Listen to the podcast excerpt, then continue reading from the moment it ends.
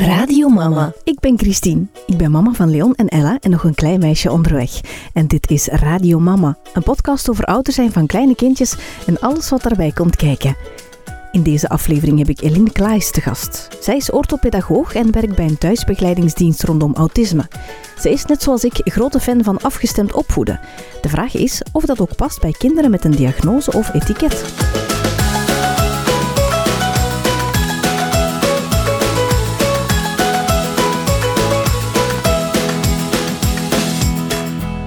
Dag Eline, kan je jezelf eens even voorstellen? Ja, um, ik ben Eline, ik ben uh, 28 jaar, um, mama van twee zoontjes. Mijn oudste zoontje Bas is 5 jaar en ons jongste zoontje Joppe 3. Ik ben van opleiding orthopedagoog. Mm -hmm. En ik werk nu sinds 2014, 15 bij Traster. Dat is een uh, thuisbegeleidingsdienst uh, rondom autisme. Dus er is um, begeleiding voor volwassenen met een diagnose, jongeren met een diagnose en dan kinderen en hun gezinnen. En ik zelf zit in het KIDS-team en meer specifiek het vroegbegeleidingsteam. Dat is van 0 tot 6 jaar. Mm -hmm. En, um, de allerkleinste. Ja, de allerkleinste. Ik heb ook een tijdje in het lagere schoolteam uh, gezeten, maar ik voelde al zo snel dat die jongere leeftijd, dat, dat lag mij meer. Dat, ja, dat was meer mijn ding. Mm -hmm. um, en ja, dat is vooral ja, gezinsondersteuning. Um, mensen um, helpen zoeken, ouders helpen zoeken in, oké, okay, die diagnose die je dan nu hebt, um, wat wil dat juist zeggen mm -hmm. uh, voor je kind? Hè? Want dat is bij iedereen verschillend. dus dat is echt zo een zoektocht samen. Hè? Wij zeggen ook altijd van, we hebben geen koffertje bij met handvaten en tips die meteen passen voor u en uw gezin. maar het is een beetje samen zoeken. Ja, het is geen... Er is geen handleiding. Nee. geen vaststaande nee, handleiding, geen quick fixes. Nee, nee, nee. nee. nee. En zijn het enkel um, kinderen met autisme dan? Of zijn er ook ja. andere diagnoses? Uh? Dat komt samen soms voor, hè, Ja. dat kinderen meer diagnoses hebben. Maar het is eigenlijk um, oorspronkelijk alleen uh, een diagnose autisme. Spectrumstoornis, ja. Um, tot vier jaar kun je daar ook terecht met een vermoeden van. Mm -hmm. um, dus dat hebben we soms ook wel. En dan um, vanaf vier jaar is er wel een diagnose nodig voor die begeleiding. Ja. ja. Je hebt een Instagram-account, Autisme en Afgestemd Opvoeden. Mm -hmm. Daar ben je nog niet zo heel lang geleden mee begonnen, hè? Nee. Ik weet eigenlijk ook niet meer zo goed wanneer. Juist? Maar um, ik ben daar inderdaad mee begonnen omdat... ja, je kon op den duur niet meer kijken naast de boeken Mild Ouderschap, Mhm. mm -hmm. eh, naast de, de, namen zoals Jurgen Peters en alle, alle ja. andere namen, ook Radio Mama. Eh, veel ouders die ik begeleide vonden ook daar hun weg. En kreeg eigenlijk heel veel de vraag van, ja oké, okay, maar dat afgestemd opvoeden, dat mild opvoeden, is dat ook oké okay binnen de ondersteuning van een kind met een diagnose ASS? Ja. En um, ik zit uh, in een team met allemaal uh, vrouwen die zoiets hebben van ja, natuurlijk, hè, keihard. Um, en ja, ik, ik, had zo het gevoel van ja, ik, ik wil daar iets mee doen. Mm -hmm. um, ik wil zo mensen daarin wel wat um, inspireren of, of hun weg mee uh, laten uh, zoeken. En ik dacht van ja, die, die sociale media, dat heeft mij ook heel hard geholpen in de, in de eerste lockdown. Om zo ja, gelijkgestemde te lezen ja. van oké, okay, het is oké. Okay. Um, ja, en ik dacht is, van ja, dat is er niet voor ouders met een kindje met een diagnose. Ja, ik vind het echt een schitterende account. Oh, echt waar. Elke post die jij doet is creatief, mooi getekend en, en alles. Ja, het is echt... Ik vind dat iedereen het moet volgen. En niet trouwens ook mensen met kinderen zonder autisme. Mhm. Mm -hmm. Want het is eigenlijk heel veel van wat je zegt is mm -hmm. toepasbaar op, op kinderen ja. zonder autisme ook. Hè? Zeker, zeker. Jawel. Ja, ja. dus um, oké, okay, ik, uh, ik wil het met jou wel graag iets breder trekken vandaag Mhm. mm -hmm. dan enkel autisme. Dus ja. um, het afgestemd opvoeden bij alle etiketjes, Mhm. alle diagnoses. Um, en niet alleen diagnoses, uh, want bijvoorbeeld hoogsensitiviteit Mhm. en hoogbegaafdheid, denk ik ook, zijn Mhm. niet echt diagnoses. Hè? Nee. Want het is wel een etiketje, denk ja. ik. Hè? Jawel. Um, want het is, zoals dat je zelf zegt, um, ik, heb, ik heb in het begin ook die vraag gekregen, in het begin van uh, de podcast, toen de onderwerpen afgestemd opvoeden, onvoorwaardelijk ouderschap, mild ouderschap, mm um, begonnen te vallen. Mhm. Mm dat is zo een sneeuwbal dat aan het rollen ging. Kwamen er wel zo wat vragen van, is dat dan is dat ook wel Mhm. geschikt voor, voor kinderen met een diagnose, kinderen met autisme bijvoorbeeld? En ik weet nog dat ik toen zoiets had van, nou, dat weet ik eigenlijk niet. Daar, daar, daar weet ik te weinig over. Mhm. Ik denk dat ik ondertussen ook wel zeker ben van wel, hè. Overtuigd, ja. Ja, het is ja. een beetje de hamvraag van, van de aflevering, maar het antwoord is ja. hè? Voor mij wel. Ja. Voor mij heel duidelijk, ja. Oké. Ja. Zeg, mag ik ook eens vragen hoe dat jij in die specialisatie autisme bent gerold? Mhm. Ehm, oh, ik, ehm, ik ben zelf een, een brus. Hè. Eh, Brus, dat is eigenlijk een, eh, een naam dat we hebben gegeven aan, eh, allee, we, hè, dat al eh, een tijdje gegeven is aan eh, broers en zussen van een kind met een diagnose. Maar dat kan ook gaan over een medische diagnose. Hè. Mhm. Ehm, en dus ik heb zelf een broer of zus met een diagnose. Mhm. En ik heb eh, heel lang gedacht dat dat het stuk was waarom dat ik zo'n interesse had in ehm, de opvoeding van kinderen, maar dan zo wanneer, juist wanneer dat de opvoeding een beetje anders loopt dan gemiddeld. Ja. Ehm, dus ik heb dat heel lang gedacht, maar ik ben er eigenlijk meer en meer van, zeker van dat, dat het mijn stuk, mijn persoonlijk stuk, er ook mee te maken heeft. Ik heb lang getwijfeld of dat ik dat hier ging delen of dat dat goed was voor mezelf. Ik heb er goed over nagedacht, maar ik heb dus zelf ook een diagnose. Ehm, Mhm. Ik heb eh, de diagnose ADD Mhm. gekregen eh, in het middelbaar. En ehm, ja, dat, dat doet wel wat, zo'n diagnose. Ehm, en ook voordat die diagnose gegeven werd. Hè. Zei, ergens heb ik denk ik wel altijd gevoeld van, hm, bij mij loopt het wat anders. Ehm, in de zin van bepaalde dingen die, die dat ik moeilijker vond dan klasgenootjes of zo. En ehm, ja, dat is wel een hele lange zoektocht geweest. Al zien dat het pas in het zesde middelbaar een leerkracht was die heeft gezegd van kijk, hm, ik denk toch niet dat... eh, ja, daar klopt iets niet. Hè? Ja. En ehm, misschien moeten we eens wat verder gaan kijken. Mhm. Ja. Dus ehm, ja, ik, ik merk dat dat stuk er ook wel heel hard aan, aan bijdraagt. Dat ik daar wel ja, in geïnteresseerd ben. Ja, En dat ik, ja, dat, dat, dat is een thema dat mij nou aan het hart ligt. Ja. ja. Denk je dat je, ehm, dat je ermee geholpen zou geweest zijn als het al veel vroeger was gediagnosticeerd bij jou? Hmm, is natuurlijk ja. hypothetisch, hè? Ja, Dat kan je niet weten, maar... ik heb daar wel al vaak over nagedacht. Ehm, ik denk, de moment dat ik die diagnose kreeg in het zesde eh, middelbaar, in wel, ik heb me vaak afgevraagd van in welke zin heeft mij dat toen geholpen. En dat was toen eigenlijk gewoon eh, de heel concrete dingen. Ik kreeg meer tijd voor mijn examens. Ja. Ehm, Er was iemand aanwezig waar dat ik veel vragen aan kon stellen rond. hè, ik kon heel moeilijk hoofd- en bijzaak onderscheiden in Mhm. een, een vraagstelling. Ehm, ook mondelinge examens kreeg ik toen. Ja. Dus in, in dat opzicht was dat hetgene dat mij toen hielp.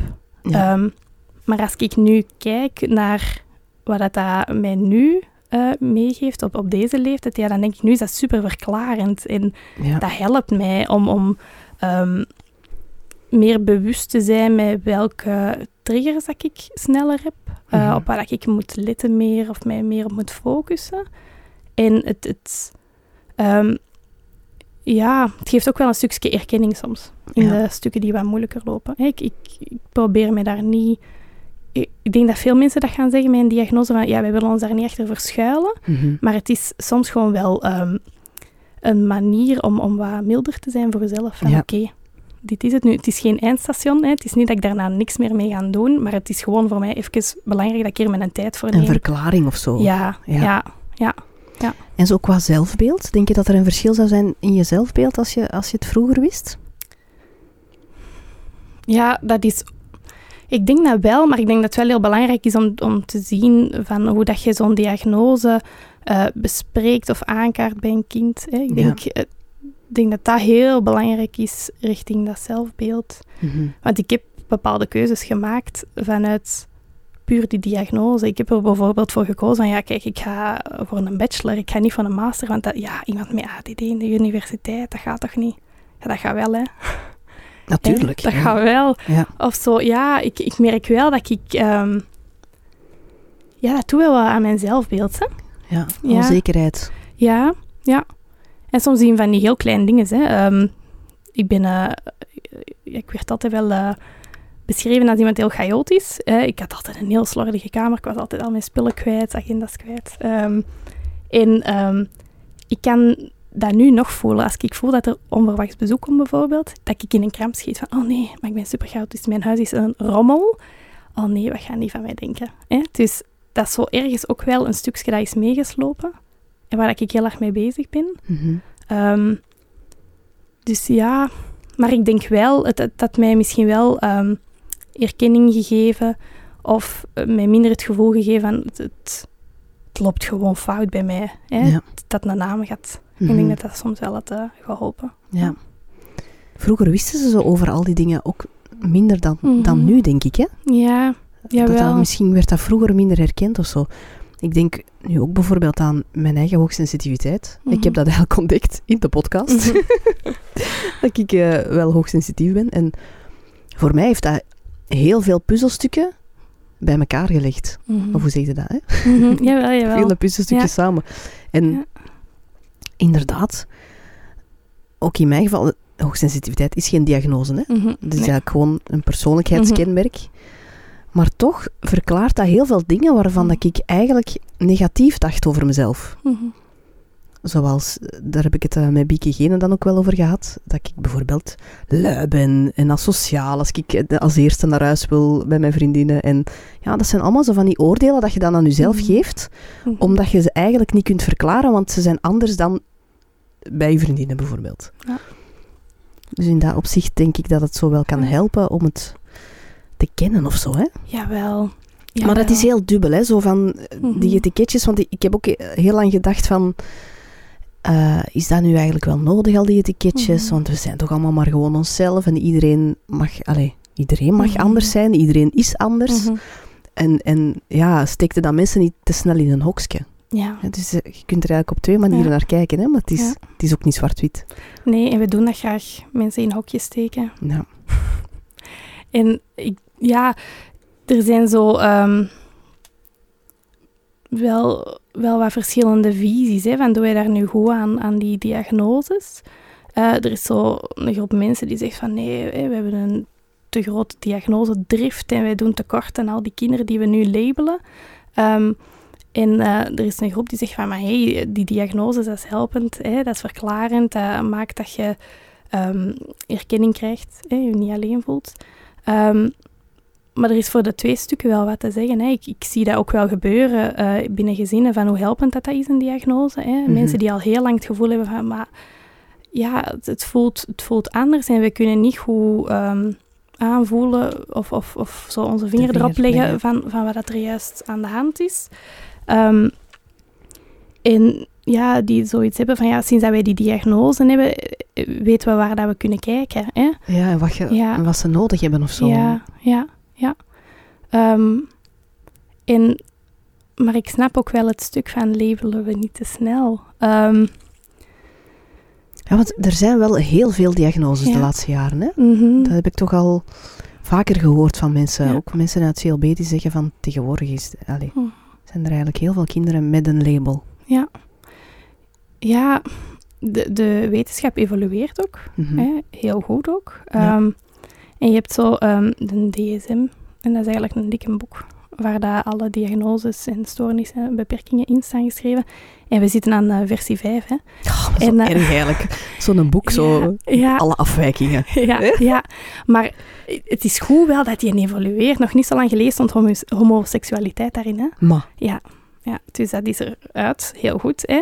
Maar er staan heel veel diagnoses in en we weten gewoon meer. Ehm, het is ook allemaal wel... hè, bijvoorbeeld ook zo het, het stukje ASS bij vrouwen. Dat mhm. is ook allemaal bekender. En dan denk ik, dat zijn allemaal goede dingen. Hè? Er Ja. zijn heel veel vrouwen met ASS die al heel lang rondlopen met het stukje van oké, er voelt iets anders, maar wat is het nu? En niet de juiste info krijgen. Mhm. Dus in dat opzicht denk ik van ja, dat is goed. Ehm, maar dat labelen, ja, dat begint al heel vroeg. Hè? Ja. Ga jij thuis bevallen of ga je in het ziekenhuis bevallen? Hè, dat is al een label vaak dat je dan krijgt. Of eh die jij een borstvoedingskindje of een flessenvoedingkindje. En daar begint het al. We hebben dat zo hard nodig om, om dingen in hokjes te plaatsen. Omdat als wij iets niet kunnen verklaren, ja, daar worden wij gewoon heel angstig van. Ja. En ik denk dat het dat ook is. Ook als je zo kijkt naar, naar zo het begin van, van ouder worden. Ehm, Mhm. Ik weet nog de moment dat ik eh, kind en gezin binnenstapte en dat ik eh, als oudste zoontje moest eh, laten wegen en meten. En dan komt je daar in een kamertje. Je weet eigenlijk niet zo goed wat er gaat gebeuren. En dan eh, wordt dat gewicht en die lengte wordt op een curve gezet. En je Ja. ziet een vak en dat vak is het gemiddelde. Ja, Ja, je ziet eigenlijk direct, is Ja. mijn baby gemiddeld ja. of Of nee. anders? Of anders. Of is je, wijkt je letterlijk buiten de lijntjes. En hè? als hem afwijkt, dan zijn er direct ook van alle dingen die je moet doen om ze terug op de lijn te krijgen. Ja, ja, ja. En ik denk dat... Dat is een klein voorbeeldje, maar dat omschrijft wel heel schoon van dat het wel heel belangrijk is over hoe dat je daarmee omgaat, hè, aan de andere Ja. kant van die tafel. Als je een, een, een verpleegster of een arts hebt die dat daar dan zit, die zegt van... ehm, ja, dat middelste, dat, daar zitten de meeste, maar ja, ja u- uw kindje zit daaronder. Hm. Hè? Zonder meer info, ja, dan ga je naar buiten met een heel groot, eh, met een grote onzekerheid, hè, niet wetende hoe of wat. Maar als je iemand hebt die uitlegt van, kijk, ja, wij moeten die statistieken verzamelen, hè, maar we gaan kijken naar het parcours van uw kindje en wij zien, kijk, die volgt zijn lijntje heel mooi, Ja. hè, tof. Dat, dat komt helemaal anders binnen. Ja. Ja, en ik denk dat dat, dat eh, ook wel de bedoeling is van dat we kijken van, kijk, ja, wat is, wat is normaal? Ik weet dat eigenlijk niet zo goed. Ik weet dat eigenlijk niet zo goed. Normaal. Wat, Ja. wat betekent dat ook eigenlijk? Ja. En ik, dat vraag ik mij ook zo wel af van, wordt onze normaal niet smaller en smaller en smaller? Mhm. En vallen er niet meer mensen buiten? Absoluut. Ja. Want we hadden het hier net in ons voorgesprekje al Ja. even over. Hè? Van, eh, ik stelde mij de vraag, stel nu dat wij allemaal zouden worden getest in Vlaanderen. Hoeveel procent van ons zou een etiket krijgen? Ja. ja. Ja, ik weet dat ook nog als in mijn studies. Hè, dan overlopen ze zo al die verschillende dingen. Hoe vaak dat ik heb gedacht, oh, ik heb dat, ik heb dat, Heb dat. hè, dat. Dat is dus ook een stoornis, hè. denken dat je alle ziektes hebt. Maar dan denk ik, Ja, hoe heet dat nu weer? Dat heeft toch een naam. Ja, en, inderdaad, het is dan misschien zelfs al abnormaler om geen stoornis te hebben. Mhm. Dus eigenlijk, Mhm. Ja, ja, ja. als je dan een diagnose hebt, ben je net de norm. ja. Dus het is maar fijn dat je het bekijkt. Hè? Maar. Ja, en het is natuurlijk een maatschappij, om, om, om een maatschappij draaiende te houden met heel veel verschillende mensen, zijn er bepaalde ja, richtlijnen of zo, of bepaalde wegen om te gaan. Mhm. En, en maar hoe dat, dat voor mij dan soms zo voelt, is dat ehm, een kind of, of een mens zich moet aanpassen aan de maatschappij, in plaats van de maatschappij zich aanpast aan het kind of het onderwijs Mhm. bijvoorbeeld. En daar zijn we wel heel hard in geëvolueerd, denk Ja. ik. Ehm, zoals in het onderwijs wordt er echt wel hard aan gewerkt, denk ik. Hè? Mhm. Jawel, jawel. Maar toch blijft het wel zo... Allee, hè, als je niet op de norm zit, Mhm. dan is het anders. En Ja. ik, ik denk dat dat wel onderschat wordt, wat dat voor een zelfbeeld van een kind kan doen. Ik denk dat ook. Allee, ik ben er eigenlijk gewoon zeker van. Ja. Want dat is ook... Wij willen graag gewoon ergens bij horen, hè. Mhm. Wij willen graag gewoon het gevoel hebben dat we hè, deel maken van iets groter en dat we daar ook gewoon passen. Ehm, Ja, dat is een overlevingsinstinct. Ja, hè? ja. Dat is een van onze basisbehoeftes. dus ik, ja, ik ben er zeer zeker van. En, en in dat opzicht denk je van, kijk, eh, een diagnose moet helpend en verklarend zijn, maar dat mag Ja. geen stigma zijn, Nee. want dan beperkt het. En dat is eigenlijk wat er misgaat. Hè? Ja. Oké, dus we hebben het eigenlijk over, eh, of we gaan het hebben over ehm, afgestemd opvoeden Mhm. en etiketjes. Ja. Misschien is het wel nuttig voor de, de mensen die misschien nog niet alle voorgaande afleveringen van Radio Mam hebben gehoord. Degenen die dat wel hebben gedaan, die weten dat al lang. maar wat is afgestemd opvoeden precies? Mhm.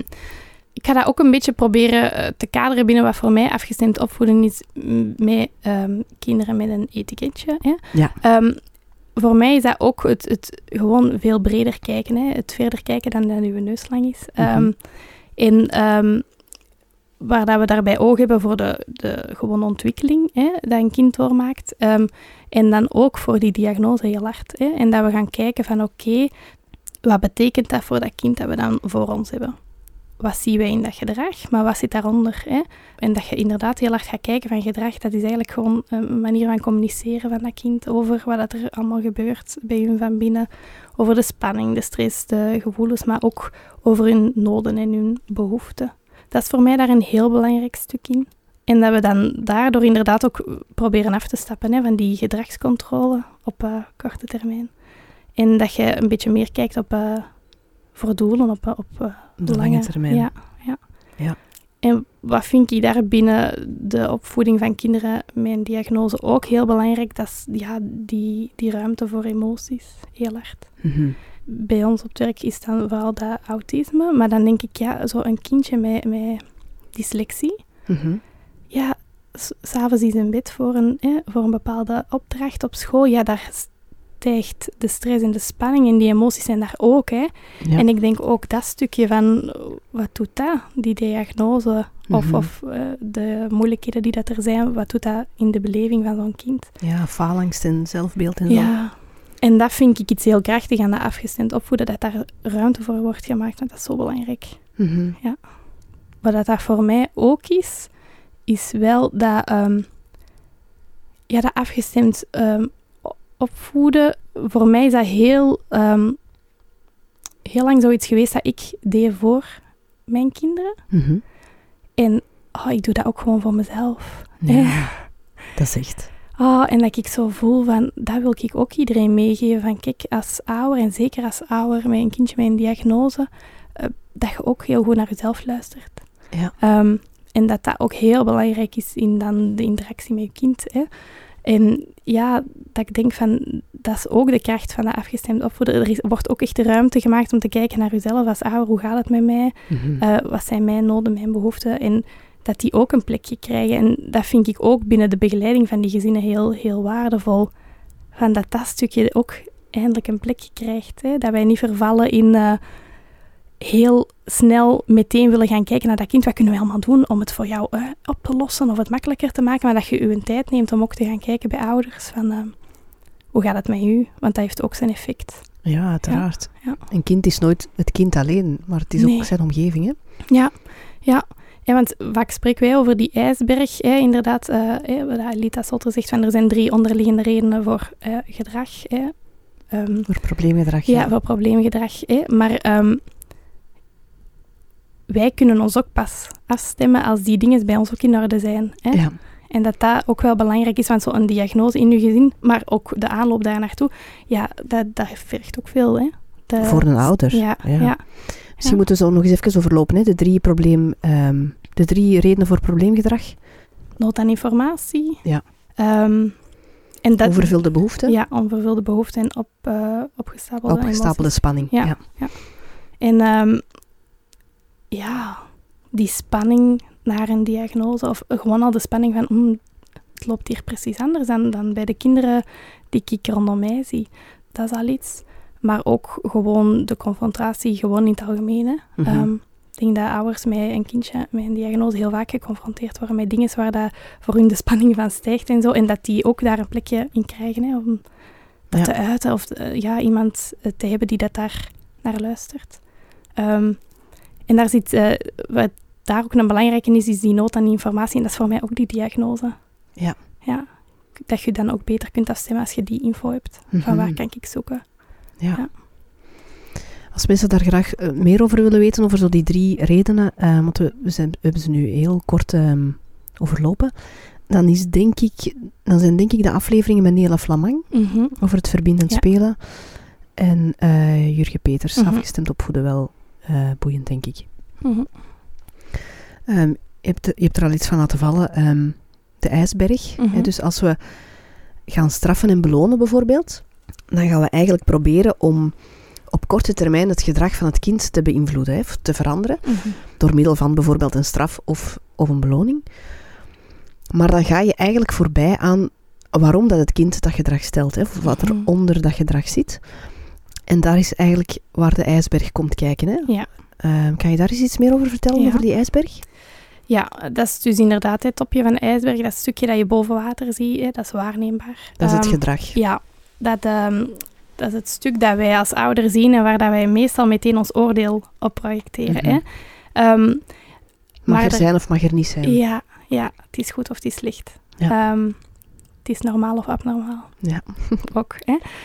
En dan is het heel belangrijk om te gaan kijken van wat zit daaronder. Want eh, ja, gedrag kan eigenlijk heel veel vertellen. Hè? Mhm. Een woede-uitbarsting kan zijn omdat je een nee hebt gekregen. Hè? Omdat je ja, zoiets had van, oei, ik, ik pas hier op mijn doel aan het afgaan hè, als klein kleuterke. En, en mijn mama of mijn papa zeggen nee en ik heb daar moeite mee. Ja. Maar een woedeuitbarsting kan ook komen door overprikkeling. Mhm. Hè? En ik denk van ja, het is gewoon kei belangrijk om te gaan kijken wat dat eronder zit als je je kind wilt helpen en wilt ondersteunen. Ja, en, en Ja. wilde eigenlijk helpen om die emoties te reguleren. Ja, ja. Dan, dan moet hij zelf ook begrijpen van waar dat, dat komt en, Mhm. en hoe dat hem daarmee kan omgaan. Ja. En dan zijn wij eigenlijk als ouder de speelfiguur om, om hen dat te leren. Hè? Want dan Mhm. moeten we het natuurlijk eerst zelf zien. Ja, ja. Ja, en ik zo dat straffen en dat belonen. Ja, je gaat echt wel voorbij aan bepaalde belangrijke dingen. Mhm. Ik had ehm, pas een verhaal over een eh, kindje dat heel veel moeite heeft met loskomen van eh, de ouders aan de schoolpoort. Mhm. En ehm, elke keer als hij niet wenend de streep overging, kreeg hij een sticker. Ja. Maar dan breekt mijn hart in duizend stukjes. ja, want wat gebeurt er dan? Het Ja. kind zal wellicht stoppen met huilen, Mhm. maar gaat het verdriet weg? Mhm. Dat is echt de vraag, hè? Mhm. Ja, en, en die zal dat wel doen, hè, omdat kinderen die, die willen gewoon in verbinding blijven met volwassenen. Dat is voor hun... Het allee, allerbelangrijkste, hè? Ja, ja. En ehm, waardoor dat wij soms het gevoel hebben, oh, zie, dat werkt, die stickers. Maar dat werkt niet voor, voor de binnenkant, hè, wat dat er allemaal in dat lijfje dan gebeurt.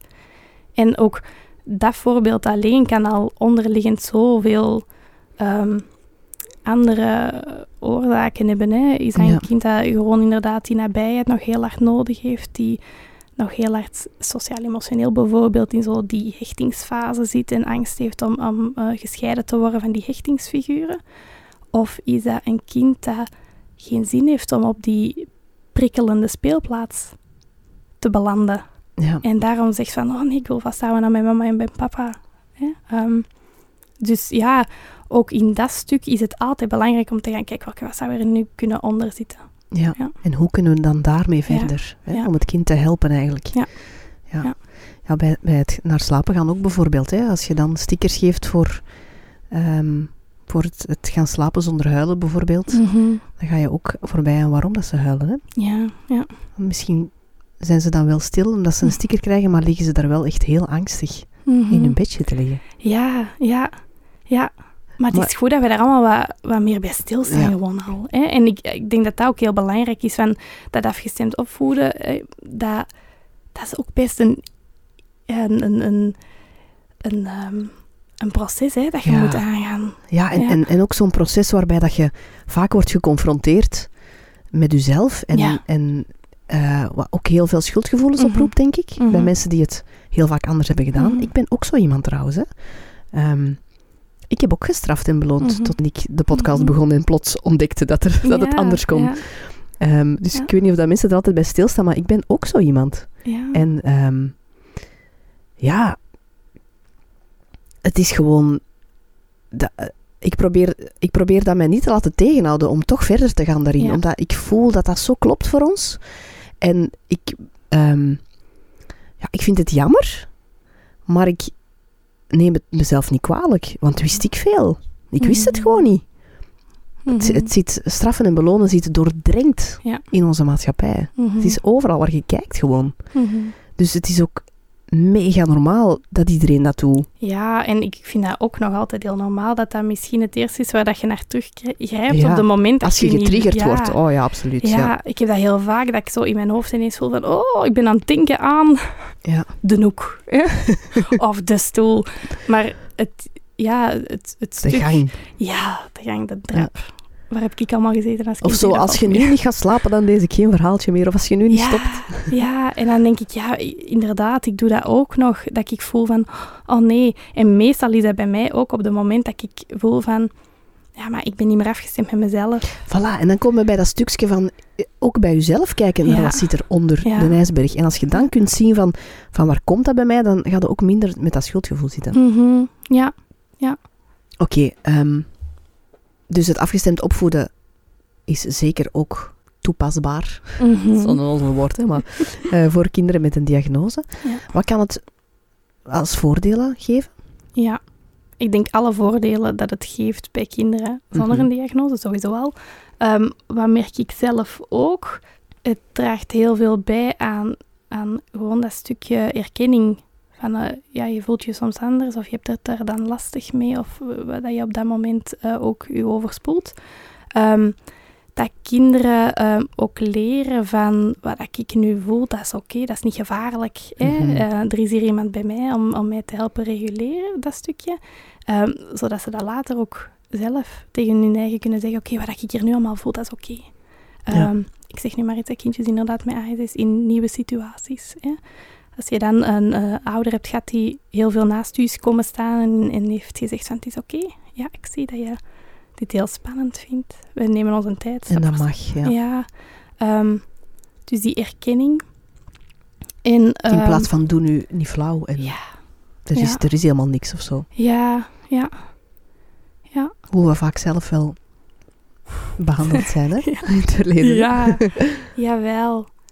Jawel. En ik denk, ja, oh, dat, dat dat erkennen draagt bij aan dat anders voel. Ik vraag mij echt oprecht af, binnen een paar jaar, als, ehm, als zo dat afgestemd opvoeden bij kinderen met een diagnose, hoeveel kinderen zich nog echt, echt anders gaan voelen. Mhm. Ehm, zeg ik daarmee dat dat helemaal weg is? Nee, absoluut niet. Hè? Want het is ook heel normaal in de ontwikkeling van een kind dat een kind op, op een bepaald moment gaat beginnen rondkijken. Hè? Van oké, wie ben ik? Wat kan ik? Wat doe ik? En hoe zit dat met de andere leeftijdsgenootjes rondom mij? En daar gaan die ook wel dingen opmerken. Hè? Van ehm, het loopt wat anders of ik doe andere dingen. Ehm, ik heb daar ehm, met ons oudste zoontje een, een een situatie meegemaakt. Eh, wij kwamen van een eh, verjaardagsfeestje en er zitten eh, een paar klasgenootjes in de auto. En eh, een van zijn klasgenootjes heeft een eh, motorische beperking, die ehm, fijne en grove motoriek ehm, moet hij ondersteuning krijgen. En eh, voor lange afstanden bijvoorbeeld heeft hij een rolstoel. Ja. Ehm, en we zitten in een auto en ineens zegt dat klasgenootje... ja, mijn armen en mijn benen zijn niet zo snel. Maar wij kwamen van een binnenspeeltuin. En ik, ik weet dat ik toen zoiets had van... ah, je, je bent wel net echt een hele tijd geconfronteerd geweest met stuk dat klasgenootjes hè, overal heen hollen en dat, dat, dat jij meer tijd nodig hebt om ergens op te geraken. En ik was al heel hard bezig met het stuk van... Oh, oké, ik wil hier zien dat, dat wij daar hier goed op reageren. Mhm. En ik was keihard in mijn hoofd al aan het, aan het malen. En op dat moment had, mijn, had ons zoontje al geantwoord. Ja. En die zei, oh ja? Ja, ik kan soms moeilijk kaka doen. en ik vond dat zo geweldig. En ik dacht, waar hebben wij dat verleerd? Om elkaar zo te erkennen. ja. Allee, dat, ik ben er echt van overtuigd dat dat, dat dat kindje zich erkend voelde en dat hij zich gehoord voelde. Maar dat vind ik soms ook wel moeilijk naar de omgeving toe. Ik denk dat de omgeving soms ook niet meer zo goed weet. Wat mogen wij zeggen? Ja, absoluut. Ja, dat Ja. denk ik ook. Hè, als ik... Schrik om iets verkeerd te Ja. zeggen. En erkennen, wat is dat? Mag ik dan vertellen over een voorbeeld dat ik ook heb meegemaakt? Of trek ik het gesprek dan naar mij? Ja. Zo ja. dat stuk. En Waardoor dat we het dan misschien liever doodzwijgen, maar dan Ja. eh, krijgen ze de herkenning niet. Ja. En ik vind, ja, ik vind dat echt heel, heel mooi. En voor mij is dat ook het stukje dat wij binnen de afgestemd opvoeden heel hard bezig zijn met kinderen van wat voel jij, wat voelt een ander? Hè, wat gebeurt er allemaal bij, bij, bij de mensen die je voor je hebt? Ehm, maar ik moest daar ook nog eh, aan terugdenken. Aan dat, dat is- ik vond dat een heel confronterend filmpje van de wonderjaren. Ik denk dat Binu Singh ook daar ehm, is over komen vertellen. Het ging over ehm, hoe kinderen reageren op eh, twee poppen eh, met een bruine huidskleur en een blanke huidskleur. En ehm, ja, op zich, het was de, de resultaten daarvan waren al heel confronterend, vond ik. Maar ze was ook aan het vertellen over het stuk van, ja, hoe reageer je op je kind als je kind zegt van, ik kijk, die, eh, die mevrouw of die meneer, die zijn huid heeft de kleur van kaka. Hm. En dat zij ook zegt van, ja, uw kind heeft iets eh, waargenomen, dat klopt. Hè? Ja. Hè? En ze zegt van, eh, het is heel belangrijk hoe dat wij daarop reageren. Dat je dan kan zeggen van, ja, je hebt dat goed gezien, die heeft een andere kleur van huid als jij. En ze zegt van, en geeft dan informatie op, op niveau van dat kind. Van, hè, we hebben katten met strepen, denk ik dat ze zei. Witte katten, zwarte katten. Hè? Dat is verschillend, maar alle katten zijn goed. Gewoon een beetje anders. Hè? En ik dacht van, ja, dat is ook keihard van toepassing op diagnoses. Hè? Mhm. En op uh, beperkingen, of dat dat nu zichtbaar is, een fysieke beperking, of, of ehm, dat het gaat over kinderen die enkel door hun gedrag eigenlijk het laten zien. Hè? Ja. Als, je, als je kind u aanspreekt omdat er ehm, een kindje aan het uh, flapperen en aan het wiegen is, ergens, hè?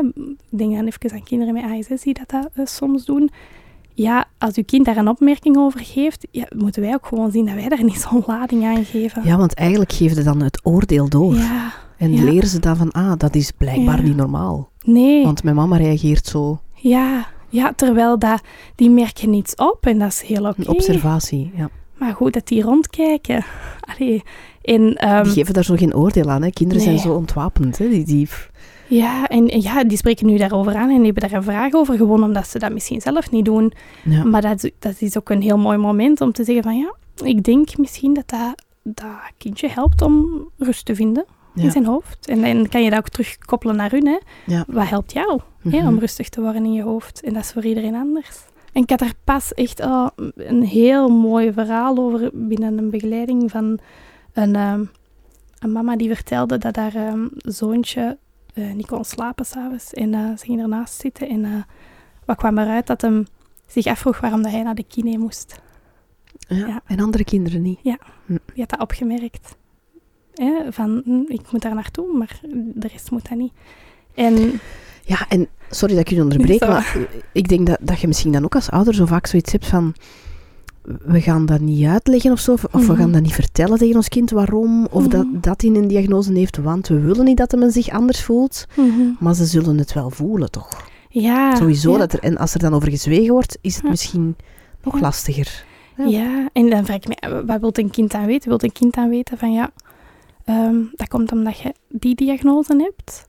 Of wat wil hij eigenlijk weten waarom de andere kinderen dat niet doen? Ja. Eh, waarom dat bij hem wel is? Ehm, maar dat was heel mooi. Die, die, die mama, die had een...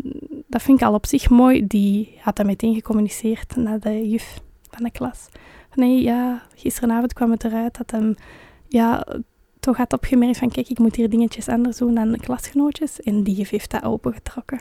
En die heeft dat ehm, heel algemeen gehad over hulpmiddelen. Ja. En dan, ja. ja. ik vond dat echt super mooi. En wat kwam er nu uit, ook uit dat verhaal? Dat, eh, dat is ook een label, hè? de sterspeler van de klas, Mhm. populair meisje, gooi punten, vriendinnetjes, dat hij ook een hulpmiddel heeft. Hè? Ja. En dat hij ehm, bijvoorbeeld s'avonds um, voor, een, ehm, voor een spreekbeurt of voor een toets of zo, dat hij het ook heel spannend vindt. En dat hij dan ook graag heeft dat mama of papa bij haar lag in Dat een we bedje. allemaal emoties hebben eigenlijk. Ja. En dat die voelde van, oké, kijk, ik, ik heb mijn hulpmiddel bij iemand anders, maar dat is ook bij iedereen verschillend, hoe dat je hulp ehm, nodig hebt soms. En ik Ja. vond dat heel mooi hoe dat die juf dat ook zo opentrok, zonder lading, en dat kreeg een plekje. En dan denk ik, ja, dat Zo is onze taak ja. als volwassenen. Ja. Die gevoelens en, en de oordelen Mhm. over gevoelens, maar ook oordelen in het algemeen, Mhm. dat is toch zoiets dat heel belangrijk is. Hè? Ja, jawel. Dat soms moeilijk is om mee om te gaan, omdat we dat zelf zo niet echt geleerd hebben. Nee. En ik denk dat dat voor die identiteitsontwikkeling heel belangrijk is, dat oordeel. Als we dat eraf kunnen laten, zou dat al heel veel ehm Hoe bedoel je voor de in- identiteitsontwikkeling? Dat ze zichzelf, hoe dat ze zichzelf gaan bekijken? Ja. wat bedoel je daar precies mee? Ehm, dat is nog een reden waarom dat ik heel hard fan ben van de afgestemd opvoeden eh, bij een diagnose. Ehm, een paar jaar geleden, als dat voor- bij mij nog niet op mijn pad was gekomen, ehm, gaf ik ook een uitleg ASS in een PowerPoint aan kinderen. Dat klinkt nu even heel, eh, heel erg, maar dat was afgestemd. Hè. In die zin van, dat- ik maakte dat heel fijn. Dat was, ehm, hè, ik nam mijn tijd daarvoor, verschillende eh, afspraken om dat te verdelen. Maar ik vergelijk dat ook wel een beetje met ehm, een GPS die al is ingesteld, waar naartoe. Hè? Ja. En ik, heb, ik had het adres al ingegeven en eigenlijk moest hem gewoon met het pijltje volgen. Hè? Ja. Ehm, tegenover wat is voor mij dat afgestemd opvoeden, dat is, we pakken gewoon heel de kaart erbij. Mhm. En als je niet goed weet waar dat je op dat moment zei, ja, ik weet wel ergens de weg waar dat we zitten, Mhm. maar het is dan nu om te kijken van, voelt deze weg goed of pakken we de die? En dat maakt dat een kind ehm, zichzelf kent en niet zijn diagnose. Ja. Zo, Maar het is mega mooi. ja. En dat is voor mij echt kei belangrijk. Ehm, dat stukje. En ik, eh, heel vaak krijgen we die vragen van wanneer is een kind klaar om, om zijn diagnose te kennen. Mhm. Ehm, er zijn mensen die zeggen van ja, vanaf dat kinderen vragen stellen. En, eh, of eh, voor de puberteit zeker, als die identiteit ontwikkeld moet worden, dan is het toch belangrijke info om mee te nemen. Maar ja, ik zeg altijd afgestemd opvoeden, dat is uh, psycho-educatie heel de dag door. En Ja. dat is kei waardevol. Ja. Mhm. Ik had op jouw website, of misschien op Instagram, ik weet het al niet meer, iets gelezen over ehm, sociaal-emotionele ontwikkeling, Mhm. wat ik heel boeiend vond. Ehm, kunnen we het daar eens over hebben? ik weet niet goed hoe ik mijn vraag moet stellen, maar ehm, Ja. je had zo gezegd dat we, dat we rekening moeten houden met de fase waarin dat Ja. ze zitten. Ja. Ehm, Laat ze maar razen en denk aan de fase of zoiets. Dat is een slogan dat... zalig. Laat ze maar razen en denk aan de fase. ja, Dat Ja. ga ik ophangen. ja, maar eh, dat is iets super interessant, die sociaal-emotionele ontwikkeling. Nu, ehm, ik vind het ook wel belangrijk om te zeggen dat ik daar zelf nog heel hard zoekende in ben. Dat Mhm. is zo breed, Mhm. maar dat vertelt zoveel. Ja. Ehm, en ehm, bij het raster, ehm allee, binnen de begeleiding van eh, kinderen met ASS, zijn we daar heel hard mee bezig, omdat dat eigenlijk heel veel verklaart. Ehm, eh, maar niet alleen verklaren. hè. Het is eigenlijk, eh, wat doet dat? Dat is eigenlijk een balans zoeken in wat mag ik verwachten, wat kan hij en wat kan hij aan. Ehm, Ja, ik denk zo direct aan het zinnetje van hij moet toch leren dat. Of, Ja. of hij moet dat Ja. toch leren. Hè? Dat we zo de verantwoordelijkheid voelen Ja. om ze bepaalde dingen te leren, Ja. waar ze misschien ontwikkelingsgewijs nog niet klaar voor zijn. nee, nee, we vergeten dat keis. Ik denk dat dat in Nina Mouton een boek ook stond. Hè. Wij verwachten van kinderen wat dat we zelf niet kunnen. Ja, absoluut. Dat is echt... Ja, Ja. als ik mij slecht voel s'nachts, dan maak ik mijn eh, partner ook wakker. Zo. Ja. Hè? Terwijl dat... eigenlijk- Nee, ja. Een Ja. kind mag niet uit zijn bed komen dan. Hè?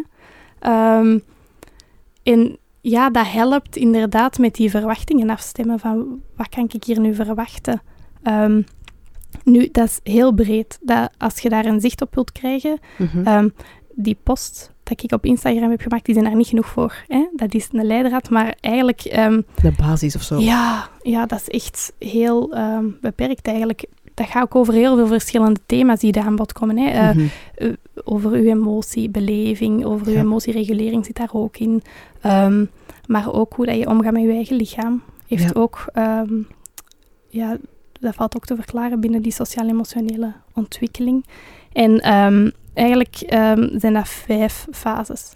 Ehm, en dat zijn eigenlijk best bekende fasen. Hè? Dat is Mhm. zo die hechtingsfase, die koppigheidsfase. Hè? Dus eigenlijk kennen wij die allemaal wel een beetje. Mhm. Maar wat dat, dat juist inhoudt, dat is eigenlijk veel complexer. Ja. Kunnen we zo misschien even... ja, heel ko- kort door de bocht en onvolledig dan, maar ja. toch eens even overlopen welke fase. Wat inhoudt. Mhm. Ehm, die eerste fase, ehm, dat is ehm, echt zo de fase van 0 tot 6 maanden. Hè. Ze noemen dat de adaptatiefase. Mhm. Ja, het enige waar dat je kindje dan op dat moment mee bezig is, is het reguleren van zijn lijfje. Niet zelf, hè. eerder in de zin van, ik communiceer naar u als ik mij niet goed voel, of als ik mij wel goed voel, maar ik heb u nodig om ehm, die signalen op te pikken en om die te interpreteren en mij te helpen geven waar dat ik nood aan heb. Hè. Dat is inderdaad, ik ween als ik honger heb, of als ik eh, moe ben, moet jij mij helpen hè, in, in slaap te wiegen, of ik weet niet wat. Je merkt daarvan, daar kan een kind eigenlijk nog niet heel veel zelf. Hè. Daar heeft hij de ouder heel hard nodig. Veel co-regulatie nog nodig. Heel veel co-regulatie, ja. Ehm, en dat is eigenlijk altijd een balans zoeken tussen genoeg prikkels in mijn lijf, te veel prikkels in mijn lijf. Hè. Dat is zo heel hard dat stukje. Nu, ja, die tweede fase, dat is, ehm, staat meer bekend als die hechtingsfase. Mhm. Ehm, in die fase spreken ze ook van ik-fases en wij-fases. Mhm. En die eerste twee fasen, dat zijn echt wij-fasen. Ja. Ehm, En tot welke leeftijd lopen die dan? Dus die eerste is van 0 tot 6 maanden en die tweede van 6 tot 18 maanden. Ja. Ehm, en dat is inderdaad... Ongeveer, hè? Want, ja, hè, ongeveer. Niet Ja. vastpinnen als het... eh, Nee, echt niet. Echt niet doen. Nee. Ehm, in die, ja, die tweede fase, die hechtingsfase, dat is heel bekend. eh, als in die scheidingsangst, eh, Ja. de angst voor andere personen dan uw hechtingsfiguren. Ehm, en ja, binnen het ASS zie je heel vaak nog kinderen die dat daar ook wel hun weg nog in zoeken, heel hard. Die dat daar heel veel nood aan hebben, aan die veilige haven van Mhm. hun ouders. Hè. Ehm, dat de wereld veel te overweldigend is. Hè, en dat die inderdaad zo nog in die wijfase zitten en echt heel hard die nabijheid nodig hebben hè, om hun te reguleren. Ja. Ehm, Ook nog op, op oudere leeftijd. ja, Mhm. ja, ja. Ehm, soms zien we ook, want dat is ook het stuk, hè, dus die ontwikkeling loopt bij kinderen met ASS vertraagd. Mhm. Maar ehm, die kunnen ook terugvallen. Ja. En dat zijn de bekende maskertjes. Zo eh, kinderen die zich op school helemaal sociaal wenselijk gedragen, zoals dat het hoort. Dat je zou zeggen van ja, hè, die zitten in, ik zeg nu maar iets, fase 4, 5. Hè. Maar die dan thuiskomen en dan eigenlijk terugvallen. Hè. Die zetten hun maskertje af en dan helemaal terugvallen naar die jongere fases. En dat je merkt van, allee, dat, dat komt niet overeen met het beeld dat ik dan heb op, of Op heb meegekregen van de school. Ja. Ja. Regressie. ja. En is dat dan dat ze dat dan even nodig hebben om daar terug naartoe te gaan om... Ja, ja waarom eigenlijk? Waarom? Oh, ik, ja, Om zichzelf te reguleren of zo, in een poging tot die veiligheid wat terug op te zoeken? Of is dat ook afhankelijk van kind tot kind? ik denk dat het eerder is dat ze in die hogere fase zitten, omdat ze cognitief weten dat ze daar moeten zitten. Hmm. Dat ze weten van, ik moet dat hier zo, dat wordt van mij verwacht. Of ehm, kinderen met ASS zijn vaak heel goede observeerders. Die weten heel goed... ehm, ja, die, Wat er van hen verwacht Ja, wordt. En dan heb ik het over kinderen die al wel kunnen rondkijken. Hè. Eh, Ja, en ja. Je hebt ook kinderen met ASS die blijven in die eerste en die tweede fase. Mhm. En dan, dan, dan ben je nog niet echt bezig. Ja, die tweede fase begint, maar zo die eerste fase, je bent niet bezig met wie dat er rondom u is dan.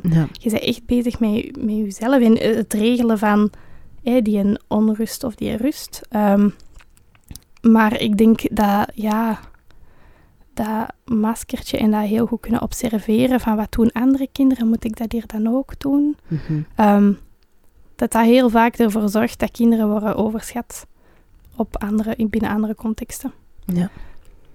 En dan zie je dat die thuis inderdaad helemaal ander gedrag vertonen. Hè. En dat maakt soms dat het heel moeilijk is voor zowel ouders, hè, die voelen zich niet geloofd of zo, van Mhm. ik kijk, dat is hier best pittig dan thuis. En scholen die zeggen van ja, maar hey, Dat zien dat, wij dat niet. zien wij niet.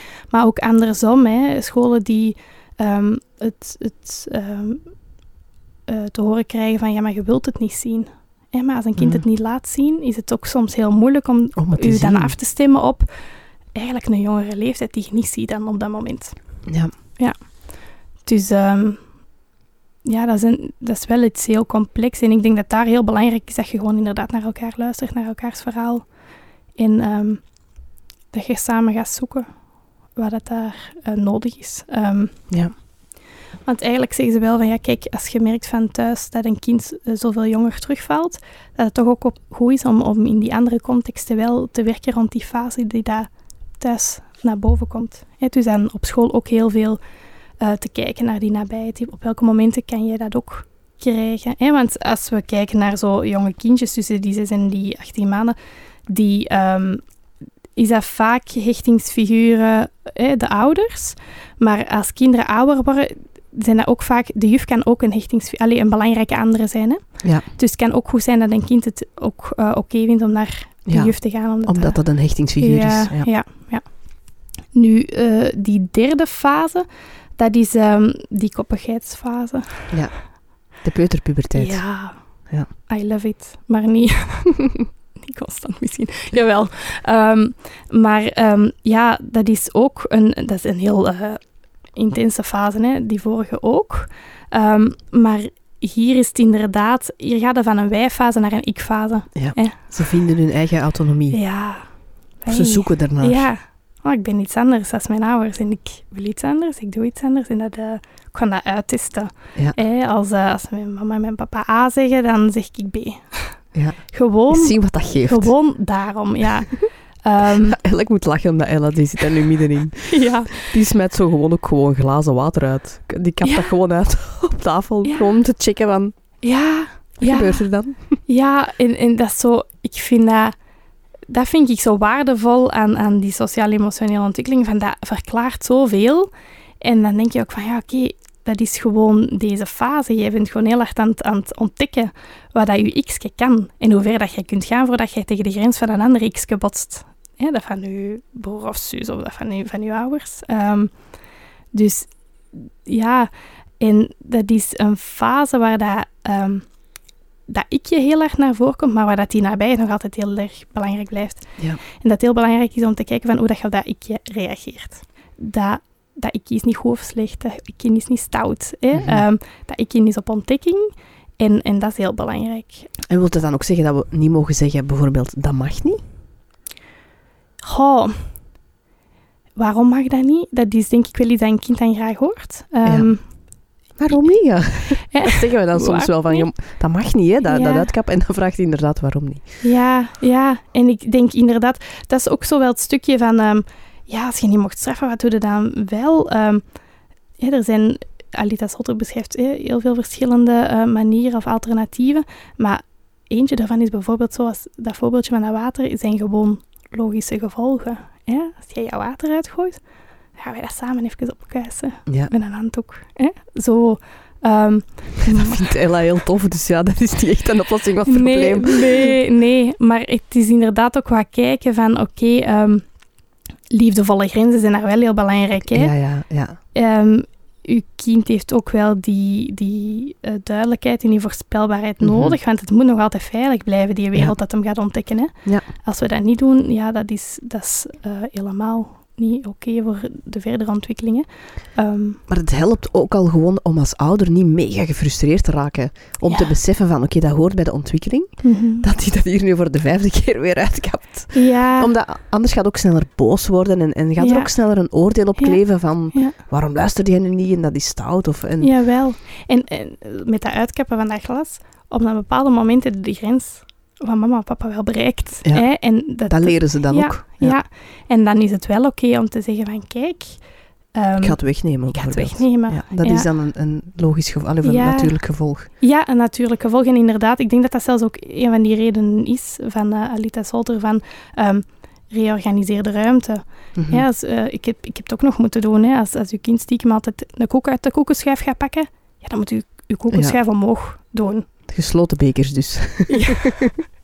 Gesloten bekers. Je hebt zo van die placemats hè, waar dat je een beker vasthangt. Maar, Ah, maar ja, nee, daar gaat heel die placemat. mee. Ja, maar het, ja, dat is keihard, dat is keihard zoeken. En Zoeken, ja. ik denk dat dat ook Jurgen Peters is, hè, die zegt Mhm. van eh, kinderen zijn onderzoekers. ja, absoluut. Ja, dat hoort daar ook heel schoon bij, hè. Kinderen zijn wetenschappers. Wetenschappers, ja. Ja. ja. Dus ja, ik de, in, die, in, in die derde fase is het ook een beetje... Ja, die zijn heel hard bezig met die controle van Mhm. wat kan ik krijgen. En je mag daar ook in meegaan, maar dan op hun niveau. Ja. Hè, ze mogen bepalen of dat ze op een blauw bord of een groen bord willen eten. Of dat Mhm. ze hun eh, dino-knuffel of hun, ik weet niet welke knuffel liever in hun bed willen. Ja. Maar als mama en papa of als ouder bepaal jij wel Ja. de grote lijnen. Ja. En dat zijn zo die dingen, hè, van inderdaad, oké, je moet ehm, u afstemmen op de noden binnen elke fase. Hè. In die eerste fase is het gewoon van, ik moet jou helpen reguleren. Hè, en ik moet daarop inzetten, terwijl het die tweede fase is, ik moet vooral inzetten op die nabijheid, Mhm. op die veiligheid, op die voorspelbaarheid, dat de wereld voor jou veilig is, dat jij weet dat ik er ben. Hè, Ja. Als jij binnenkort klaar bent om te gaan ontdekken. Ja. In die eh, derde fase is dat ook van, kijk, jij wilt je ikje ontdekken, ik ga je dat laten doen, maar ik ga je ook beschermen. Hè? Ja. Ehm, als je te ver gaat in je ontdekkingstocht. Ja. Ehm, en dan die vierde fase uiteindelijk, die, ehm, dat is eh, nog verder dat uitbouwen van dat ikje, maar al meer terug met het, eh, het kijken naar anderen. Ja. Oké, wat kan dat ikje van mij? Dat zijn zo heel wat kinderen die zo zeggen, ik ben de snelste, gaan wij eens meten? Wie dat de Mhm. sterkste is, of eh, dat heel hard. Ehm, en waar dat je wel merkt van... Welke leeftijd zitten we dan?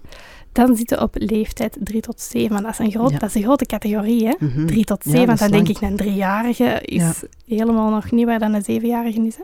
Maar ja, daar merkte gewoon meer van, oké, ehm, dat ik je vormt zich verder. Ja. Maar er is al wat meer terug zo dat egocentrische dat een beetje meer afneemt. Ja. Ehm, maar tegen het einde van die fase, dan pas spreekt de van beginnende empathie. Ja. Wij, wij verwachten dat eigenlijk al zoveel vroeger. Dat is echt, ja. Ja. Wij verwachten dat veel vroeger. Dat ze al kunnen rekening houden met ons Ja. bijvoorbeeld. Ja. ja. En ik betrap mijn eigen daar ook nog op. Hè. Mm, Ik bedoel, we wij hebben een vijfjarige en dan een driejarige. En soms denk ik, oei, ik heb hier van die een driejarige verwacht. Ja. Dat je wat meer rekening hield met zijn broer. Maar, Maar die kan dat gewoon nog kan, niet. dat- Die is daar nog niet, nee. nee. Ehm, en in die eh, opzichten helpt dat om je als ouder Dat af te stemmen. Ja. En dan uiteindelijk die laatste fase, dat is 7 tot 12 ongeveer. Mhm. En dat is eigenlijk gewoon een verdere uitdieping van al die vorige fasen. Daar merkte ook van dat je als ouder meer afstand gaat kunnen nemen. Ja. Dat dat geweten, Mhm. dat die zo echt een intern geweten Ja. hebben. Waar dat je in die vorige fase echt nog wel nodig zei om zo je kind mee te sturen en zo wat, hè, dat je Ja. zegt van ja, ik ben eigenlijk die zijn geweten en ik ondersteun je daarbij. Daar is dat, ehm, in die laatste fase begint dat meer zo echt een intern geweten te worden. Ja. En daar zijn kinderen heel hard bezig met het thema van heb ik zelfvertrouwen of, of heb ik ook wat angst om te falen? Wat is mijn plekje hier in de groep? En dat is daar heel belangrijk. Ja. Ehm, ja. Dus ja, dat is... Maar dit is dan zo heel beknopt uitgelegd. En dan denk ik, ja, dat is iets heel complex, maar iets heel waardevol. ja. En te geldt vooral eh, duidelijkheid voor alle kinderen, hè? niet Ja. alleen kinderen met een diagnose. Hè? Nee, Ja. nee. En het is ook zo van... Het, dat kan ook soms zo, zo voelen dat je denkt van... "Oh, ik, ik blijf hier ergens zitten. Of ik weet niet zo goed... Er voelt iets niet oké. dat je merkt van... Ja, kijk, wij zitten wat vast in een fase of zo. Of, of we hebben wat hulp nodig om te kijken van... Oké, welke dingen moeten wij hier nog extra ehm, ondersteunen? Of welke behoeften zijn er binnen die fase? Om je kind wat te... Ja, gewoon te geven wat dat ze nodig hebben. Hè? Want het is niet dat je dat kunt trainen, hè. Nee, en dat is, dat is wat dat we denk ik vaak wel proberen Ja. te doen. Hè? Als we dan zo zeggen van, Ja, ja, maar we moeten ze toch leren dat? ja. Hè, dan willen we ze eigenlijk trainen naar de volgende fase, maar Ja. zo werkt het niet. Hè? Nee, nee. We moeten wachten tot dat uitrijpt. Of ja, zo. ja, je moet die gewoon geven wat ze nodig hebben om te groeien, eigenlijk. Dat dat vanzelf kan Ja. rijpen. Ja. Ja, We hebben het in de vorige aflevering van Radio Mama ook al gehad over ehm the window of tolerance, Mhm. het raam. ehm, Ja. En de drie breinen ook. Dat Mhm. komt zo af en toe wel ter sprake. Heel kort door de bocht uitgelegd hebben we drie breinen. Het krokodillenbrein, het ehm, zoogdierenbrein en dan het mensenbrein. Hè, mhm. Waarvan dat het krokodillenbrein ook het oudste deel is, het meest primitieve. En dan het ehm, zoogdierenbrein ook zo bijvoorbeeld de kern van de emoties ehm, Mhm. bevat. En het mensenbrein, daar zit zo te redeneren. Zo allemaal heel, veel, Ja. veel te eh, niet uitgebreid Ja. genoeg verteld, maar hè, kort door de Mhm. bocht. Ehm, en eh, de ontwikkeling van die breinen gaat ook in die volgorde. Hè? Ja, ja. Dus het begint met het Mhm. oudste deel, het meest primitieve, Mhm. wat eigenlijk gericht is op overleving. Mhm. Dus dat is wel nuttig om te weten, ook in de ontwikkeling van kinderen, vind Ja. ik zelf. Maar ook, en dat geldt ook nog als volwassene, dat als je uit je raam gaat, hè, dus als je eh, heel veel stress ervaart, dat je ook terugvalt naar het meest oude stuk van je brein. Ja, Hè, dus dat je ja. eigenlijk terugvalt naar het meest primitieve ehm, stuk, namelijk overleven. Mhm. Al de rest wordt even uitgeschakeld, want je lichaam denkt, Mhm. hier is hoge stress, ik moet Ja. even overleven. Waardoor je dus niet meer kunt redeneren. Nee, Want nee, dat is nee, het nieuwste brein. Ja, ja. Ja. Ja. dan is het inderdaad zo die, die bekende reacties, hè. vechten, vluchten, bevriezen. Ja, en dat vind ik zo wel mega nuttig. Want dat Ja. is iets wat wij als volwassenen ook hebben. Hè? Denk maar aan de laatste keer dat je met de deur gesmeten hebt. Ja. En zeg mij niet dat je dat niet doet, want iedereen heeft dat al wel eens gedaan. ja. Dan kun je gewoon niet meer... Mhm. Misschien dat je wel beseft dat je onredelijk bent, maar je kunt het niet veranderen op dat moment. En dat is gewoon omdat je zo in die stress zit. Je zit zo in, in die eh, vecht-vlucht-reacties. en bij kinderen is dat dus ook zo. En dat vind ik wel heel helpend. Om zo te weten van... Mhm. Hè, want ik, heb, ik had zo bijvoorbeeld altijd de neiging om te, te vragen tijdens de uitbarsting, maar wat is er dan? Ja, wat is er dan? Maar zeg dan wat er is. Ja, Want die, kunnen, die weten dat gewoon niet. Die kunnen dat niet zeggen, want die kunnen niet redeneren op dat ehm, punt. Als je daar graag ehm, meer over we- wil weten, dan is de aflevering met Eva Kestes een heel ehm, eh, boeiende aflevering om te luisteren. De ontwikkeling van het brein heet die. Mijn vraag naar jou, dat raam, is dat met kinderen bij een diagnose zoals bijvoorbeeld ASS, is dat ook kleiner? Zitten zij sneller in, in hun stress? Ja. ons raam fluctueert ook. Hè. We hebben ook de Ja. ene moment een kleiner raam dan de andere. Ehm, en dat is bij hun ook. Hè. Dat heeft ook te maken met eh, hoe vaak en hoe intens ehm word jij geconfronteerd met stress Mhm. en met spanning. En dat is bij kindjes met ASS wel. Hè. Die, Mhm. ehm, de wereld is veel onvoorspelbaarder. Ja. Dat komt ook echt, denk ik, soms heel hard op hun af. Worden daar Mhm. plots mee geconfronteerd met bepaalde dingen. En dat geeft heel veel stress en spanning. Ja. Ehm, dus ik denk zeer zeker dat hun raampje vaak kleiner is. Ehm, maar ook hun raampje fluctueert. Hè. Mhm. Hun raampje is ook soms groter en soms kleiner. Ehm, en dat is inderdaad wel iets dat helpend is. Ja, om te beseffen dat dat... ja, en met sommige kinder, kinderen kunnen daar ook wel zo over praten, over die krokodil of zo. Ja. Ehm, dat ehm, hun vatje sneller vol is of zo. ja. Of sneller leeg. Het is maar hoe dat je het bekijkt. Ja, of overspoeld, inderdaad. Ja, het, het- dat, dat is wel... Het helpt vaak inderdaad kinderen om, om daar een beetje een taal aan te geven. Hè. Dat is uw KT, hè, taal aan Mhm. emoties. Ja. Mega En- waardevol, vind ik. Ja, ja, echt enorm. En wat ik wel merk, dat soms zo die benaming van die verschillende emoties bij sommige kinderen, dat is ook, je moet ook dat afstemmen. Hè. Ja. Ehm, bij heel jonge kinderen is dat nog gewoon goed of slecht, hè, maar dat Ja. evolueert mee naar meer emoties, meer taal. Hè. Ja. Ehm, maar bij sommige kinderen is dat ook zo beeldspraak. Ja. Over die krokodil. Hoe is het met je krokodil? Ja, hij is al met één oog wakker. hè. Ja. Zo dat stuk. Maar ik denk dat het eerder in de omgekeerde richting is. Van, hoe is het dat- met je krokodil als hem gaat slapen terug? ja. Is dat dan niet te abstract voor sommige kinderen? Dat is, ah, dat is ook weer dat spectrum. Dat is Ja. zo verschillend. Hangt er vanaf. Ja. Dat is zo verschillend. Ik heb echt door in de jaren al heel veel dingen gehoord hè, over de kriebeltjes. Hè, over Ja. de vulkaantjes, over de krokodilletjes, over Ja. de kleurenmonsters. Dat is zo'n Ja. bekend boekje. Hè, van, ja, dat monstertje is bij mij op bezoek, dat monstertje is bij mij op bezoek. Het daantje of het vulkaantje vind ik ook Ja. een toffe. Ja, ja. We zeggen ook wel eens, communicatie zoekt de snelste weg. Hè? En Mhm. inderdaad, wat je zegt, zo soms in de heat of the moment, dat kinderen niet meer praten als je vraagt van wat is er aan de hand. Hè? Ehm, als dat wat zakt, merk je soms ook wel dat kinderen misschien gewoon liever willen wijzen. Hè? Of Ja. je hebt zo van die hele leuke ballen met Mhm. emoties. Van, ja, misschien kunnen die wel een bal gaan halen. Ja. Dat past bij hun emotie op dat moment. Ehm, ja, dus het is wat zoeken naar de manier hoe dat je daar... Afgestemd eigenlijk wel ja, weer. Hè? keihard afgestemd. Ja. Jurgen Peters heeft daar wel echt het goede woord eh, Ja. op geplakt. Hè? ja, past voor alles. Ja. Ja. En als onze kinderen dan zo eh, in hoge stress zitten en dus Mhm. uit hun raam vliegen, en we gaan dan proberen om het gedrag te veranderen met straffen of belonen, Mm. dan gaan we de stress alleen maar verhogen, toch? En dan schieten ze eigenlijk nog meer Mhm. uit hun raam. Dat de stress alleen maar verhoogt. Mhm. En misschien niet altijd zichtbaar. Nee, dat denk ik heel vaak. Ja, Ja. omdat hè, vaak werkt het wel, het straffen. Ehm, maar ik denk dat dat ook heel vaak komt omdat de prioriteit van het kind altijd is de verbinding met de ouder. Ja.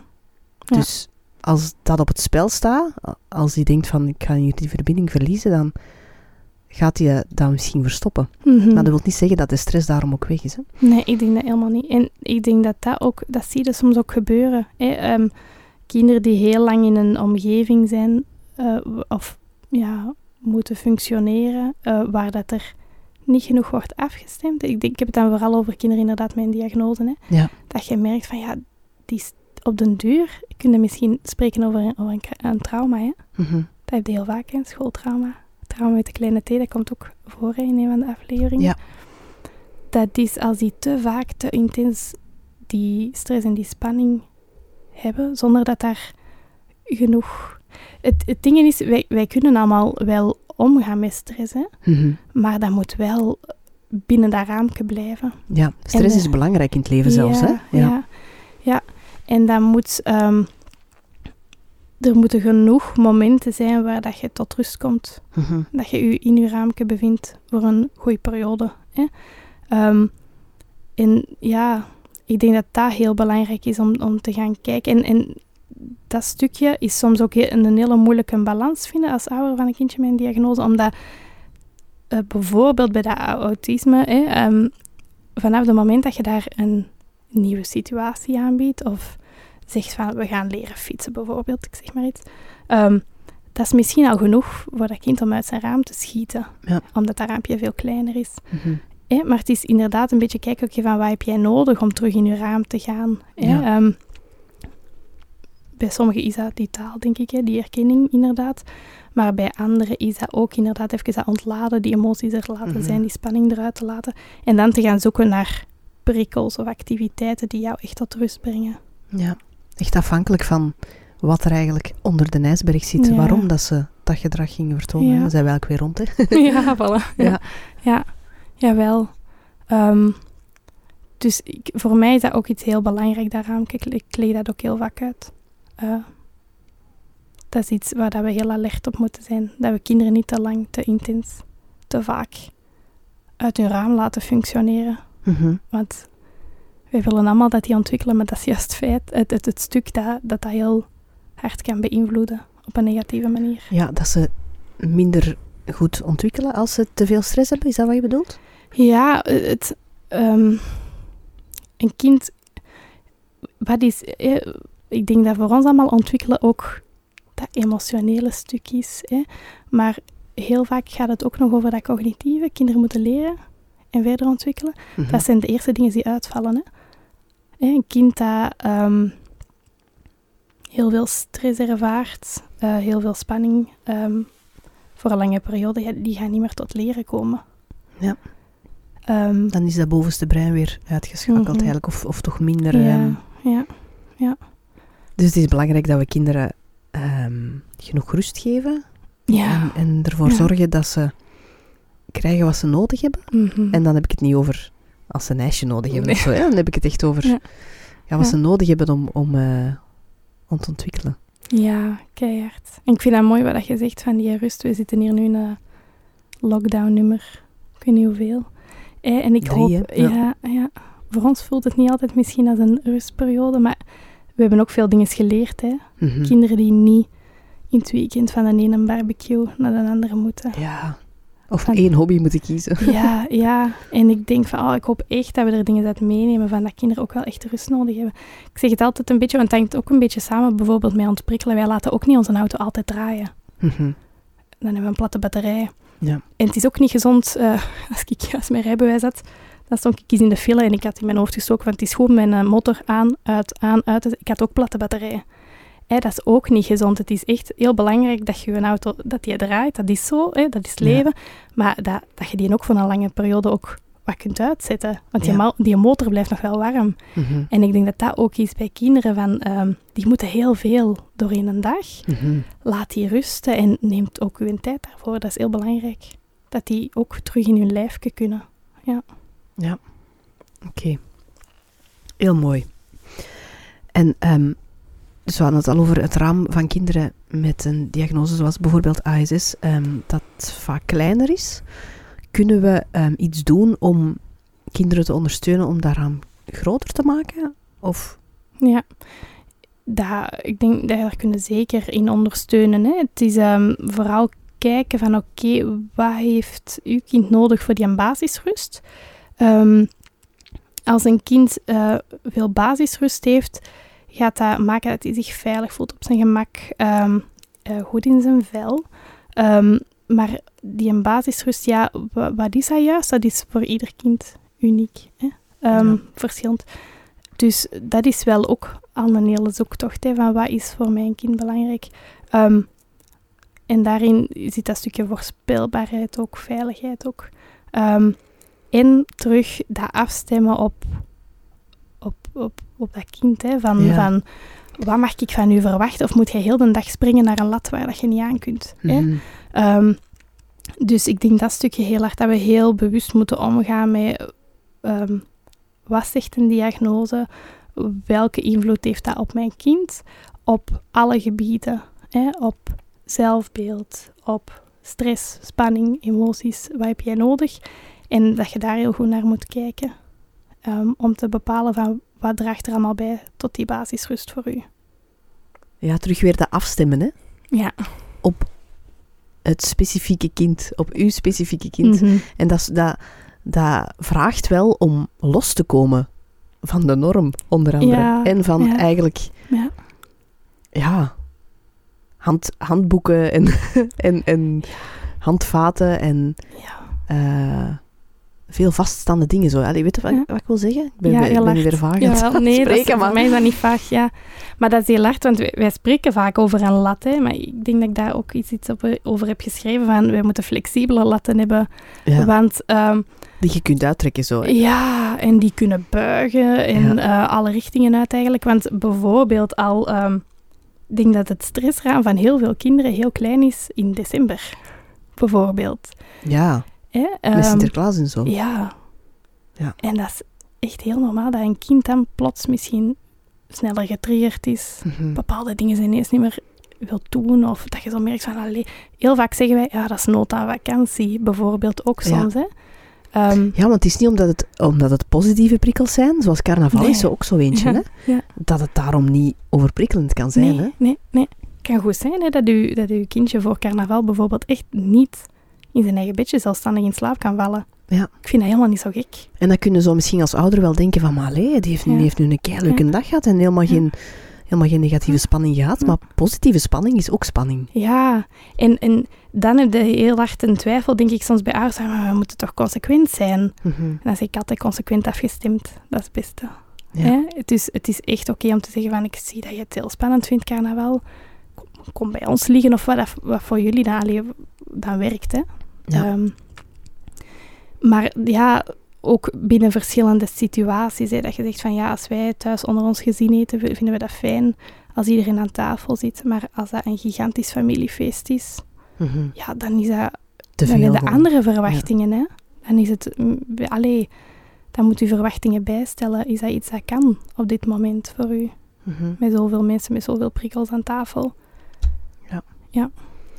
En eh, denk je dat het dan ook belangrijk is om, om sommige dingen, ehm, om ze te besparen van sommige dingen, om, om de stress wat te vermijden, zal ik zeggen? Natuurlijk, je zou kunnen zeggen, ehm, ze moeten er toch mee leren omgaan, hè? of, of, of ehm, is dat dan geen vermijdingsgedrag door bijvoorbeeld te zeggen van, we gaan met carnaval maar een halve dag gaan, bijvoorbeeld, of dan een hele, eh, om ze ja, Mhm. niet te overprikkelen. Ja, snap je wat ik wil zeggen? Zo dan balans tussen we moeten ze beschermen en ehm, we moeten ze veerkracht geven of Ja. zo. ja. Ik vind dat een kei moeilijke. Ja, ik ook. Dat is ook de vraag dat ik heel vaak krijg van ouders die al zo hun weg aan het zoeken vinden zijn binnen de afgestemd opvoeden. Dat is het liefdevol schopje Mhm. onder het gat. Ja. Ehm, van wanneer is het oké om te zeggen van nee schatje, we gaan dat wel doen. Ik weet dat je dat lastig vindt. Ja. En wanneer is het nee, je gaat los over je grens en wij moeten hierbij stilstaan, want het is goed dat je die aanvoelt. En wij moeten uw grens respecteren. Hè?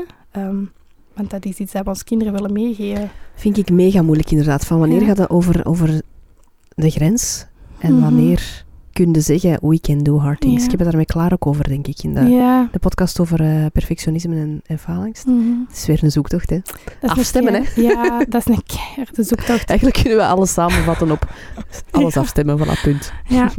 ja, en ik denk dat het ook heel oké is dat je daar als ouder soms misschien een foute beslissing gaat maken. Ja, dat is gebeurd, ongetwijfeld. Ja, en dat je dat dan, je mocht dat communiceren dan, vind ik. Hè, van, ja, Hm.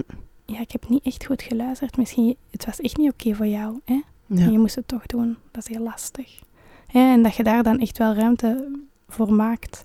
Ja. Ehm, maar het is het, stuk wat dat je zegt, hè, van ehm, stress is ook nodig in nieuwe situaties. Hebben dat Ja. sowieso.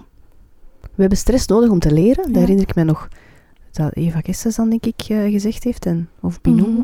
of allebei. Eh, dus je hebt een bepaalde mate van stress nodig om te leren. Mhm. Maar vanaf dat we te veel stress hebben, Ja. dan kunnen we ook weer niet leren. Dus Nee.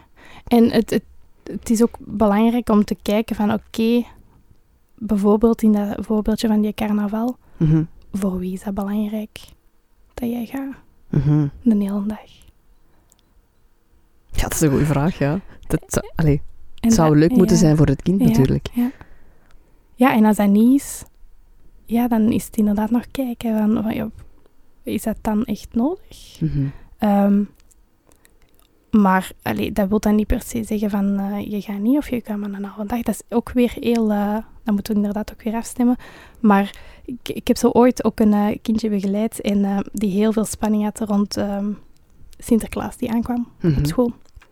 En, um, maar die wou zo graag gaan. Mm -hmm. Maar het was al met nachten ervoor niet slapen en, en heel veel spanning. En waar heeft hij voor gekozen? Van kijk, ik wil op het verdiep boven gaan kijken door de raam. Ik wil Ja. er niet tussen staan. Ja. Hè? En dat, dat was super afgestemd. En uiteindelijk zei hij, het is oké, ik wil naar beneden. Ja. En dat ik denk van, ja, het is inderdaad wat zoeken. En dan denk ik van, ja, daar geloof ik gewoon heel hard in. Dat je bij kinderen gaat voelen van, oké, hoe is het mij? Wat voelt oké en wat voelt niet meer oké? En voor dat kindje voelde het oké om aan de raam te staan. Voelde die zijn stress en zijn spanning zakken. En zei hij, oké, ik ga naar beneden. Ja. En ja, Gewoon al de ruimte geven kan al helpen om ze toch die stap te doen, te doen Mhm. zetten of zo. ja. Maar- ze zich veilig voelen. En het is he- dat is ook heel moeilijk, hè, want als je een kind hebt dat daarover kan communiceren en mee kan nadenken, Mhm. dat is heel helpend. Hè, want Mhm. ja, dan kan je ook gewoon vragen, van, wat zou voor jou helpen op dat moment? Ja. Als je kind dat niet kan en je moet dat als ouder doen, dat is heel moeilijk. Ja. ja, dan kunnen ze ook nog niet vanaf nee, de nee. allerjongste leeftijd natuurlijk. Hè. Nee, Het is een zoektocht, hè. Mannetjes toch. ja. Het is, eh, mocht daar een opleiding over zijn, over Amai. het ouderschap. Ja. Het is levenslang. Dat is heel grappig. Ik moest ooit van een oudercursus in bellen.